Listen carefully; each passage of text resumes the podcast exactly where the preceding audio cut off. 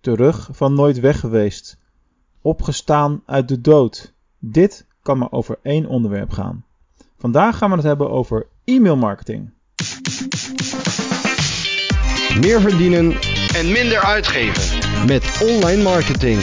Dit is de DGOC Online Marketing Podcast. Hallo, welkom allemaal en luister, fijn dat je weer luistert naar de, de DGOC Online Marketing eh, Podcast. Ja, ik zei het net al eventjes, we gaan het vandaag hebben over eh, e-mail marketing. Eh, en eh, ja, ik hoor steeds maar om me heen dat e-mail marketing terug is aan het komen, aan een opmars bezig is. Terwijl ik dan denk, hoezo dan? Voor mij is het nooit weg geweest. Maar goed, dat stukje parkeren we nu eventjes. Uh, we gaan vandaag kijken, of luisteren natuurlijk, naar uh, de vraag die heel vaak voorkomt bij organisaties. Uh, moet ik platte tekst-e-mails gaan versturen of gaan we werken met een e-mail met de huisstijl? Nou, er is natuurlijk niet één waarheid en dat is waar we vandaag achter gaan komen. Goed, van het ene bedrijf krijg ik de meest mooie e-mails toegestuurd met huisstijl, opmaak.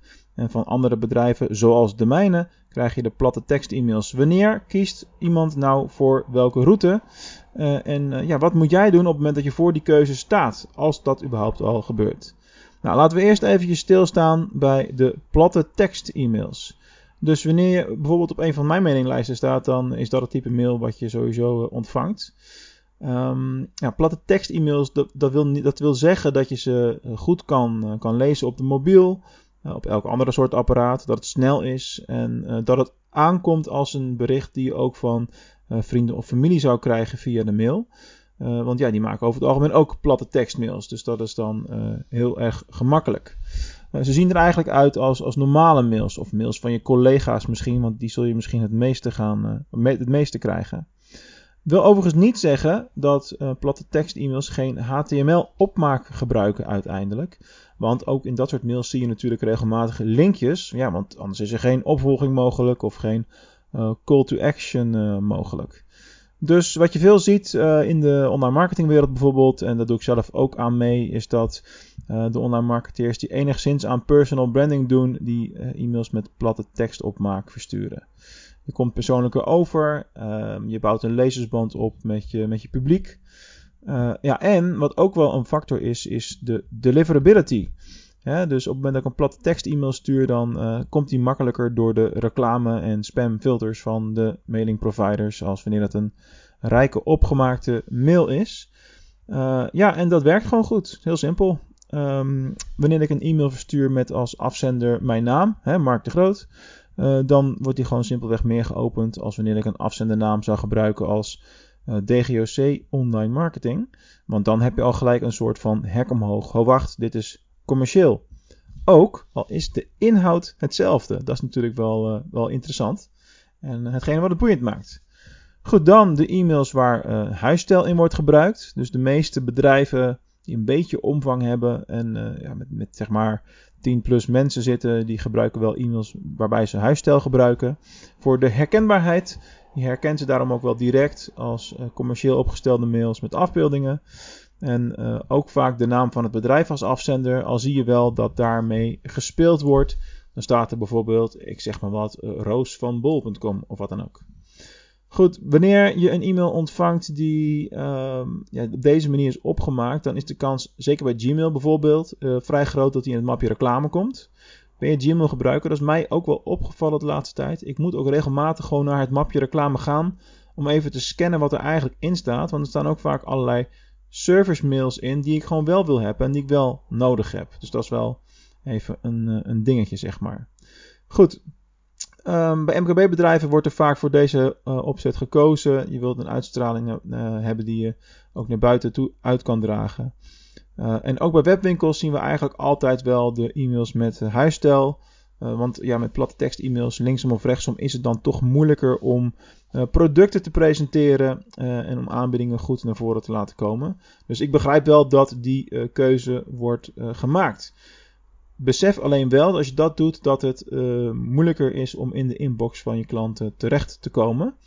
Um, ja, wellicht is het een idee om, uh, om het een keer te mixen. Hè. Zend dus een platte tekstmail tussendoor. Of gebruik een andere afzender, dus de naam van iemand uit het team. bijvoorbeeld, in plaats van alleen een info of een service of zo'n soort e-mailadres. Goed, uh, nu weten we wat platte tekstmails zijn, we weten wat uh, ja, e-mails met huisstijl zijn. Wat is nou het advies? Ik ga nu heel flauw zijn. Doe vooral datgene wat bij jouw bedrijf past, wat bij de stijl van jouw bedrijf past. Er is natuurlijk niet één echt goed of één echt fout. Um, ja, je moet afwegen wat het beste bij jou uh, past als bedrijf. En um, ja, dat is een beetje wat het is. Uh, wil je meer weten over, uh, over e mailmarketing en de keuzes die je daarin kunt, uh, kunt maken? kijk dan ook eens op DGOC naar de kennisbank e-mailmarketing, want die zijn we ook flink aan het uitbreiden de laatste tijd. dat zit een beetje verstopt. Dus als je op de website bent, dan scroll je helemaal naar beneden. En dan zie je rechts onderaan zie je een grote kop met online marketing kennisbank. Nou, daar staan aardig wat categorieën. Ik zal ze even snel noemen. Content marketing, e-mail marketing dus, e-commerce, Google Ads, Google Marketing, online marketing tools, platform marketing, TikTok marketing. Ja, oké, die andere sociale media kanalen moet ik dan ook nog doen. en uh, zoekmachine optimalisatie. Dus, en er wordt continu uitgebreid. Dus ben je eens een keertje op zoek naar specifiek iets over online marketing, weet je het antwoord op de vraag niet. Grote kans en steeds grotere kans dat je het daar kan vinden. Goed, voor nu wil ik jullie weer bedanken voor het luisteren en tot de volgende keer.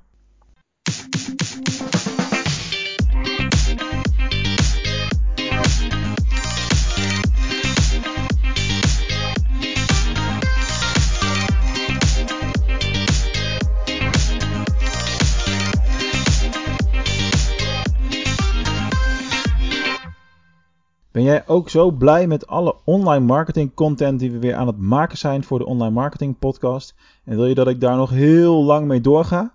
Nou, dan kun je mij echt onwijs veel helpen door een review te schrijven voor deze podcast. Er zijn al een aantal mensen die dat gedaan hebben de afgelopen tijd. En ik zou onwijs dankbaar zijn als jij dat ook wilt doen.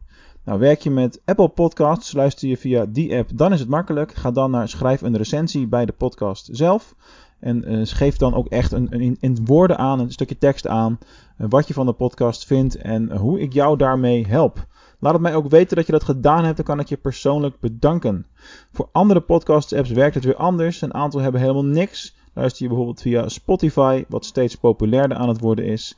Dan is er nog geen optie, maar verspreid dan vooral het woord en deel de podcast met je collega's, met je vrienden en iedereen die verder met online marketing bezig is.